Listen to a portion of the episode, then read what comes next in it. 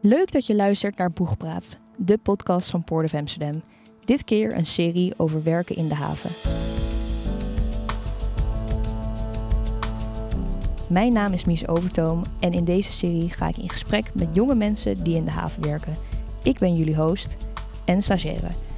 We gaan in gesprek met denkers en doeners, want de haven heeft beide nodig. Wat houdt hun werk precies in en wie zijn deze mensen? We gaan op zoek naar hun drijfveren, ambities en verhalen over het werken in en voor de haven. Vandaag spreken we met Richard Kerkhoff, VTS-coördinator bij de haven van Amsterdam.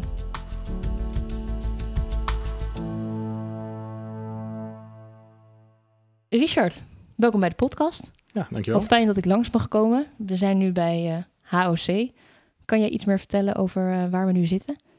Ja, nou inderdaad het, eh, het HOC, het Haven Operatiecentrum eh, hier in Amuiden. Nou, zoals je ziet hè, zitten we hier mooi op een, eh, op een duin en we kijken uit over de haven van Amuiden en, en achter ons eh, de zee. Waar we dus eh, de schepen die naar Amsterdam toe komen binnen zien komen. Nou, vanuit deze toren wordt het hele scheepvaartproces gepland en uiteindelijk ook begeleid. Dus ja, je bent eerder op de tweede verdieping geweest, waar ik druk bezig was met de planning maken, in overleg met agenten, in overleg met loodsen, in overleg met sleepdienst. En eh, nou, vandaag eh, zaten we nog even op de derde etage, daar waar de verkeersbegeleiding eh, daadwerkelijk plaatsvindt, met de, met de radarschermen, de marifoon. Daar hebben we dus contact met de schepen, Ja. Zowel voordat ze beloodst worden als dat ze beloodst zijn. En alle andere vaart, binnenvaart, vissers, alles wat geen loodsen nodig heeft in, de, in het hele gebied. Ja. En hier zorgen wij dus ja, 24-7 met, met een aantal collega's voor de nautische veiligheid. En eh, voor, het hele, voor het hele proces. Want ik was een beetje in de war. Want de vorige keer dat ik hier was, eh, toen spot ik jou op de tweede verdieping. En toen was jij heel druk bezig met volgens mij plannen. Ja. En toen kwam ik er vandaag en toen zat je er niet. Toen dacht ik, oh nee, hij is toch niet vergeten. Maar toen zeiden jouw collega's, nee, hij zit hierboven. En toen was je ineens ook verkeersleider, toch? Ja. Of zeg ik het verkeerd? Wat is jouw functie precies? Ja, mijn functie eh, eh, nu is in, is in principe ook tweeledig. Ik ben verkeerscoördinator, VC afgekort. Die, die, die term zie je in het bedrijf nog eens eh, voorbij komen. Daarmee doe ik dus de planning. Hè. Daar zit ik dus op twee. En dan, ja, ik zeg altijd zelf een beetje meewerkend voorman. Is natuurlijk niet helemaal de juiste omschrijving. Maar daarmee doen we de planning, maar zijn we ook een beetje de vraagbaak voor de collega's en de ondersteuning van de collega's. Ja. Maar dat is een, een doorgroeifunctie vanuit de, de verkeersleidersgroep. Dus ik ben eh, begonnen hier als verkeersleider en dat ben ik dus ook nog steeds bij. Ja. Dus we wisselen de, de diensten af tussen VC en verkeersleider. En als verkeersleider doen we dus alle verschillende posten. Dus zowel de administratie, die op twee dan weer naast de VC zit, als de daadwerkelijke begeleiding op haven Muiden of eh, op het eh, Noordzeekanaal of haven Amsterdam. Want als er een schip aankomt, ehm, hoe weet je dat dan dan? Wie geeft iets door? Hoe werkt dat? Krijg je een mailtje? Word je gebeld? Ja, de agenten zijn eh, verplicht schepen aan te melden. En dat, eh, dat behoren ze in principe eh, 48 uur van tevoren te doen. Scheepsagenten. Scheepsagenten. Want elk schip, elk zeeschip wat hier binnenkomt, wat, wat meldingsplichtig is, dat heeft ook een scheepsagent. En die geven dat dan op in een eh, landelijk systeem. Dat is Mhm. Portbase. Dat is een samenwerking tussen alle havens. En dat Portbase systeem, dat genereert weer een bericht wat in ons systeem komt. Het HAMIS, dat is, dat is het eh, havenmeester eh, informatiesysteem. En vanuit daaruit eh, zien wij dus dat schepen bij ons aankomen, dat ze bij ons verwacht worden. En daar worden alle gegevens die wij nodig hebben als het goed is ingezet. Dat Ja. wordt gecontroleerd en op het moment dat het in orde is, dan, dan wordt het schip goedgekeurd, goed bevonden om naar binnen te komen. En welke opleiding heb jij gedaan? Ik ben van opleiding eh, uit binnenvaartschipper. Ik heb ook jarenlang eh, in de binnenvaart eh, gevaren. En vanuit daaruit ben ik doorgegroeid hier naartoe. Want wa- vond je niet meer leuk? De, de... Ja, binnenvaart is heel leuk. En dat is hetzelfde met zeevaart. Alleen er zit één groot nadeel. Je bent veel van huis. Dat geeft je een enorme vrijheid. Maar op het moment dat de kinderen thuiskomen, dan, ja, dan is die, die, die vrijheid iets minder waard. Want dan ja, mis je eigenlijk alle leuke dingen. Dus eh, vanwege het gezinsleven, en dat zullen veel collega's van mij hebben, Ja, ja, gestopt met varen en iets gezocht aan de wal. dit hoor je inderdaad vaker. Tenminste, de vorige keer dat ik hier was, toen ging ik een beetje bij iedereen vragen van... en, wat deed je hiervoor? En ook ehm, bij eh, de mannen van het loodswezen.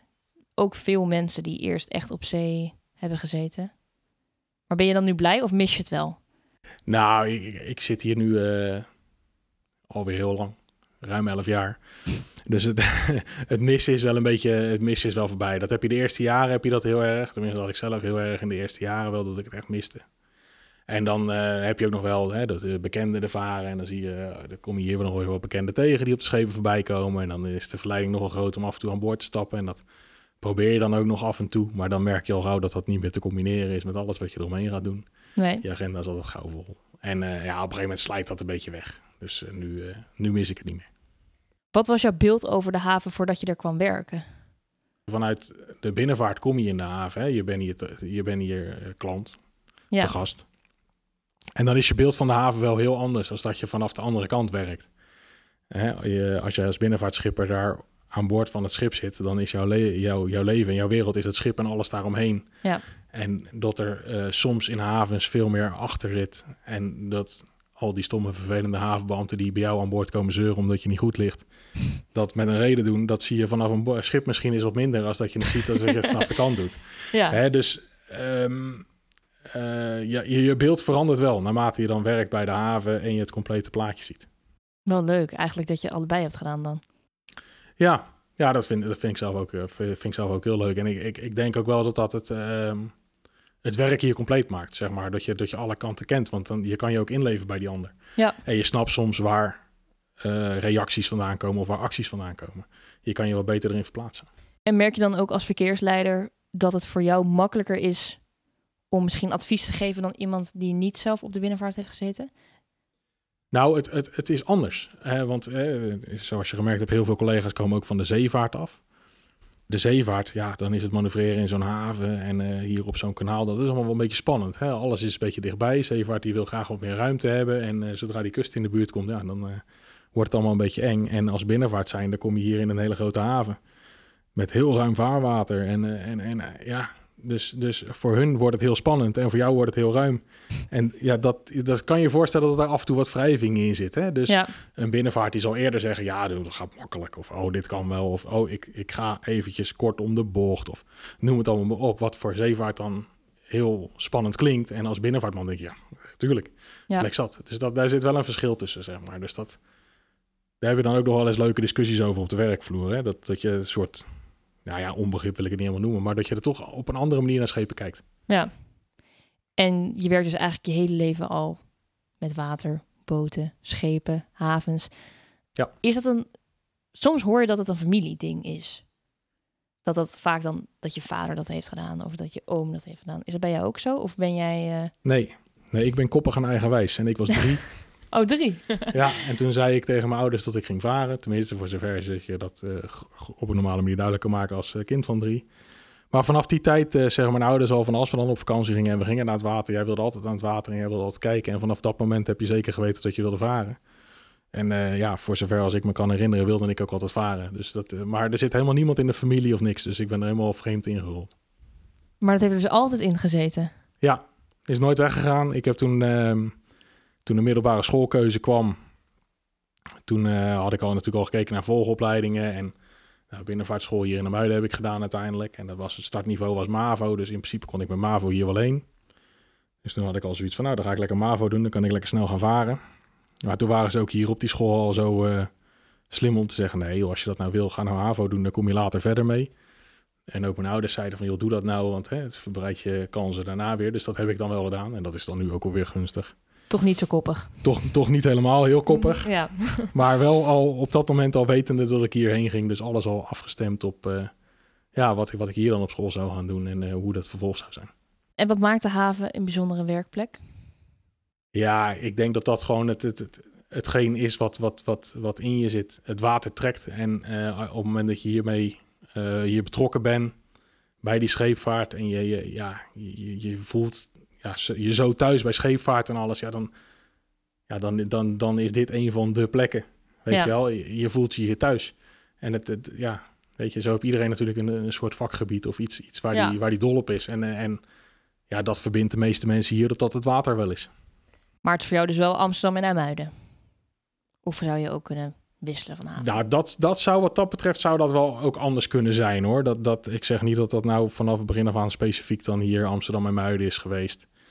Eh, het is wel zo dat ik hier in Muiden op school gezeten heb, dus dat ik hier in Muiden al heel wat jaren kom. Ja, precies. Maar nee, dat had, dat had ook wel makkelijk anders kunnen zijn. Dat, eh, Water is water en boot zijn boten. Eh, ja, ja, als je het heel kort door de bocht Ja, zegt. heel kort door de bocht. Ja, klopt, klopt. Kijk, nu, nu, hè, nu loop ik hier een tijd binnen het bedrijf rond en ik heb verschillende facetten hier binnen het bedrijf gezien. En dan voel ik me wel echt verbonden met de haven Amsterdam. Dat, dat zeker wel. Maar nee, dat was niet in eerste instantie de, degene waarom ik... eh, nee. Nee. En je zei al, je werd elf jaar voor de haven. Is dan in die tijd, is er veel veranderd? Is je functie veel veranderd? Nou, los van dat je een soort van, van verkeersleider naar eh, VTC? VT? Ja, VC. VC bent gegaan. En is er, is er hier veel veranderd? Ja, ja er, is, er is heel veel veranderd. Want ehm, los van de plek in de toren, toen ik hier kwam werken, toen zaten we allemaal tijdelijk in de erker. Dat, dat moet je vooral je zeggen dat het tijdelijk was, want dat duurde best wel lang, die verbouwing van het, van het geheel.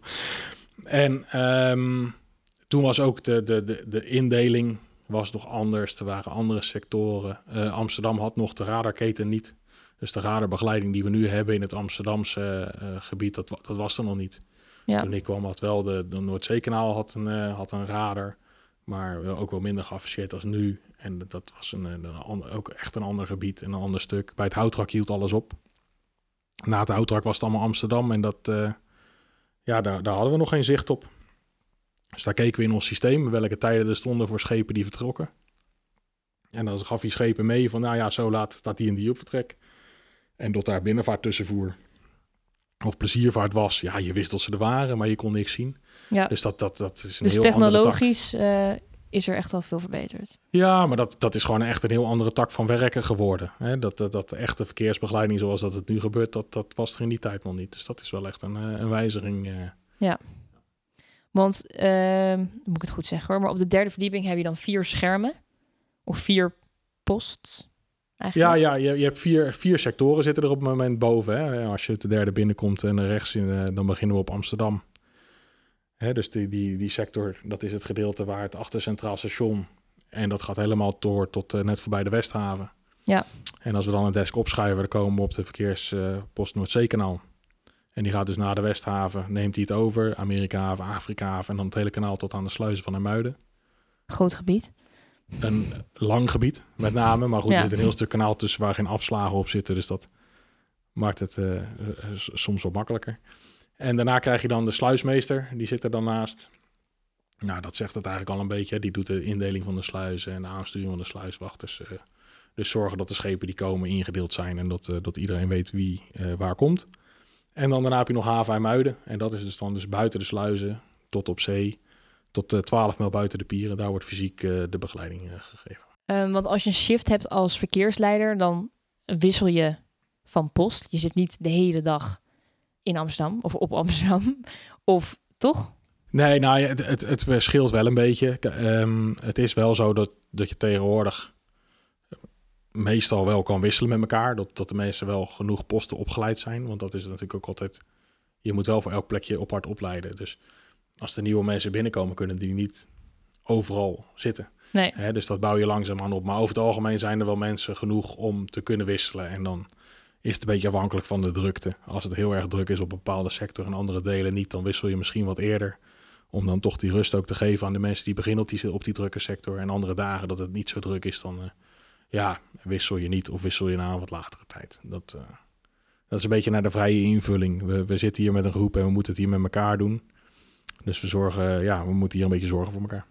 En heb je dan liever een heel druk scherm of een plek waar wat rustiger is? Nee, het mag voor mij lekker druk zijn. Ik, eh, ik hou ook wel een beetje van die drukte en een beetje van, eh, van die eh, ja, onrust. Het maakt je werk leuker en de tijd gaat snel. En Ja. ja. weet je, ja, dat, ik vind dat fijner als dat ik een hele wacht daadwerkelijk een beetje aan het wachten ben op hetgeen wat er gaat gebeuren. Hè, dan ben je nog steeds wel bezig. Ja, alleen dan ja, duurt het allemaal wat langer en dan heb je er wat minder voldoening van, vind ik zelf. Ja, want toen ik hier dus laatst kwam, toen kwam ik hier voor het eerst. En toen dacht ik wel van, niet dat ik daar een heel goed beeld van heb, maar door series of films dacht ik wel een beetje van, het heeft wel iets weg van de verkeerstoren in Schiphol. Nou ja, kijk, weet je, ik denk dat dat een vergelijking is die, die, die veel mensen wel maken. En, en in een soort van in basis is dat natuurlijk ook wel zo. Alleen, Ja, er zitten natuurlijk wel wat aanmerkelijke verschillen tussen. Hè? Bij ons, ik zeg, het is 2D en Schiphol is in principe 3D. Dus het doet het nog helemaal geen recht. Maar ja, bij ons zitten ze wel allemaal op hetzelfde niveau, dus ze kunnen niet boven elkaar. En eh, het varen gaat wat minder snel als het vliegen. Dus Ja. je hebt soms ook wat meer tijd. Dus wat dat betreft zit er wel verschil tussen. Maar Want wat ik dan wel raar vind, is toen ik dus laatst dat scherm zag van Amsterdam. Toen kreeg ik het een beetje benauwd. Omdat ik toen wel dacht, jeetje mina, gewoon de hele tijd aanwijzingen, belletjes. Het, het scherm zat helemaal vol met eh, nou, allemaal kleurtjes en het, het bewoog allemaal. En toen dacht ik wel van, ja, misschien is dit wel drukker dan een verkeersleider. ja, daar, daar, weet ik dan zelf te weinig van een verkeersleider op Schiphol af, zeg maar, om te zeggen dat hij, dat hij het minder druk heeft of drukker. Maar ja, het is zo dat het, eh, het gebied, met name het, eh, het blokgebied Amsterdam, heel erg druk kan zijn. Hè? Er zitten heel veel havens eh, aan het blokgebied Amsterdam. Plus dat er nog ja, behoorlijk wat pleziervaart in, in deze tijd van het jaar rondvaart. Dus ja, het is waar. Er zijn heel veel stipjes, er beweegt heel veel. Maar het scheelt natuurlijk wel dat als wij naar een scherm kijken, dat wij ook wel exact weten waar we naar kijken. Dat we wel eh, eh, getraind zijn in, in alles wat we daar zien. Dus Ja. het, dat, dat maakt het voor ons natuurlijk wel wat, wat overzichtelijker als dat het maakt dat je gewoon op de vloer komt en je kijkt. Ja. Want dan, dus, dus, dus dat is wel een verschil. Maar het, het kan zeker heel erg druk zijn. Ja. En wat zijn dan belangrijke kwaliteiten waar je aan moet voldoen om dat goed te kunnen? En ook jouw andere functie? Nou ja, als, als verkeersleider eh, is, het, eh, is het belangrijk dat je, dat je Nederlands uiteraard goed is, maar ook je, je Engels en dat je een beetje begrip hebt van Duits, want heel veel binnenvaart is Duitsstalig. Eh, daarbij is dat je dus een, eh, ja, ook het, het ruimtelijk inzicht, hè, dus het interpreteren van zo'n radar, het interpreteren van zo'n scherm en de stipjes die daar dan bewegen, want dat zijn natuurlijk gewoon schepen en Ja. echo's en vectoren en noem het allemaal maar op. Zullen het niet te technisch maken, maar Ehm, ja, dat je daar wel een beetje inzicht in hebt. En dat je ook wel een beetje gestructureerd kan werken. Ja. Hè, want hoe meer chaos jij maakt, hoe meer chaos er ontstaat. Dus, dus het is altijd wel een beetje de, de bedoeling dat, dat jij het rustpunt bent. Want anders eh, ja, wordt het van kwaad tot erger, zeg maar. Eh, in mijn andere functie als, als, als VC, dan, dan wordt er toch ook wel een beetje wat gevraagd op, eh, op planning. En ook een gedeelte wel een beetje op de social skills. want ja, daar komen de, de agenten op het moment dat het wat moeilijker wordt. Ja. En dus, dus ja, dat, dat is wel een belangrijk aspect. Dus je moet wel ook een teamplayer zijn. Ik denk wel dat dat het een stuk makkelijker maakt. Ja. Ja. Soms gaat het dan misschien ook wel mis. Als het te chaotisch wordt. Gaat het soms Ja. mis? ja, het gaat, ja, weet je, waar gewerkt wordt, worden fouten gemaakt. Ja. Eh, hè, waar, waar niks misgaat, daar gebeurt niks. Dus ja, tuurlijk gaat het mis. Alleen, eh, de, de- ja, we zijn gelukkig wel allemaal met, met elkaar zodanig bezig dat het niet vaak misgaat. Hè? En waar moet ik dan aan denken als het misgaat? Wat gebeurt er dan? Ja, de- het kan natuurlijk op allerlei fronten misgaan. Hè. Er kunnen fouten gemaakt worden in de planning, waardoor een planning niet gehaald wordt of waardoor bepaalde dingen worden vergeten. Maar ja, het kan ook eh, een keer misgaan dat een, een stukje informatie eh, anders wordt geïnterpreteerd of verkeerd wordt gedeeld met scheepvaart, waardoor ja, ongelukken of bijna ongelukken eh, ontstaan.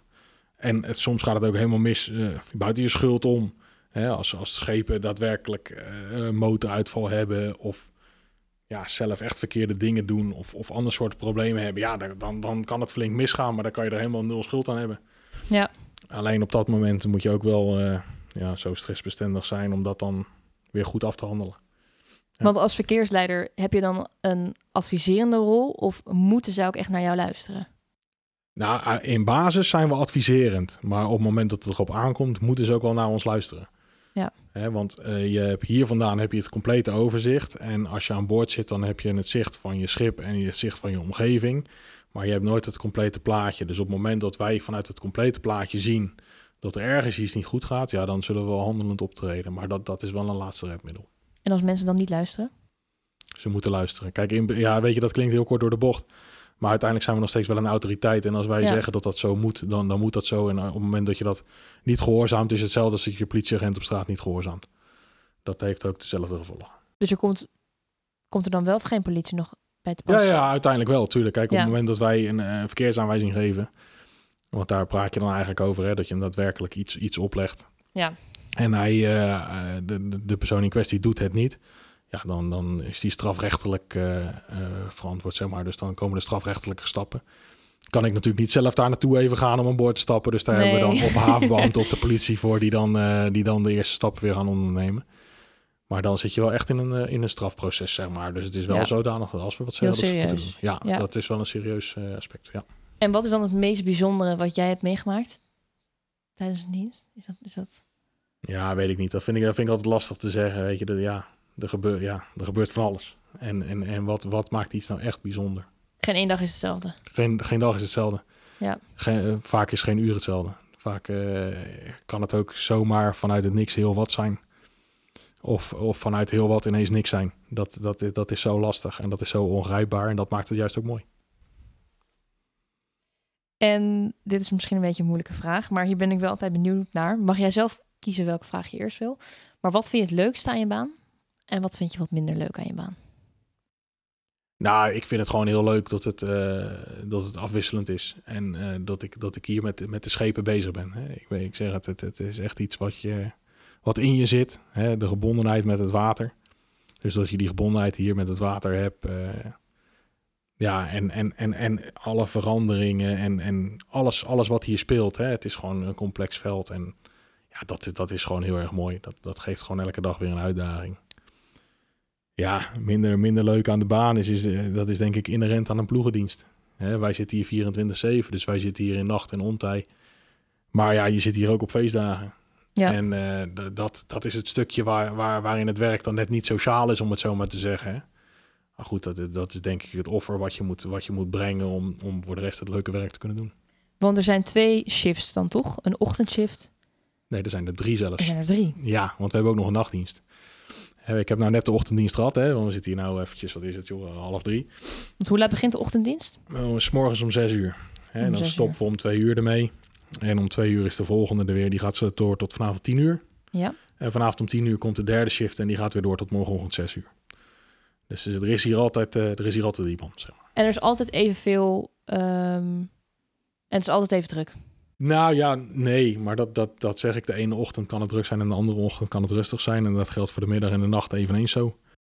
Nee, maar het is niet dat je zegt... Oké, als ik een nachtdienst heb... Oh, dan is het wel eh, iets, iets saaier... omdat er dan minder druk is. Dat, dat zou je Ja. niet kunnen zeggen. Vaak is het zo dat de nacht wat rustiger is. Maar dat, dat is lang niet altijd zo. Nee. We werken heel veel met, eh, met tankers. We hebben natuurlijk heel veel terminals eh, in de haven. Ja, dat, dat die gasten gaan ook allemaal 24-7 door. Die zijn er ook altijd en die varen ook altijd. En ja, dan kan het zomaar zijn dat toevallig alle switchen en alle wissels in de nacht plaatsvinden. Dat je heel de nacht druk bezig bent. Ja. En dan kan het zomaar midden op de dag heel rustig zijn. Dat, eh, dat is altijd moeilijk te voorspellen. Maar in, in basis is het in de nacht wel wat rustiger.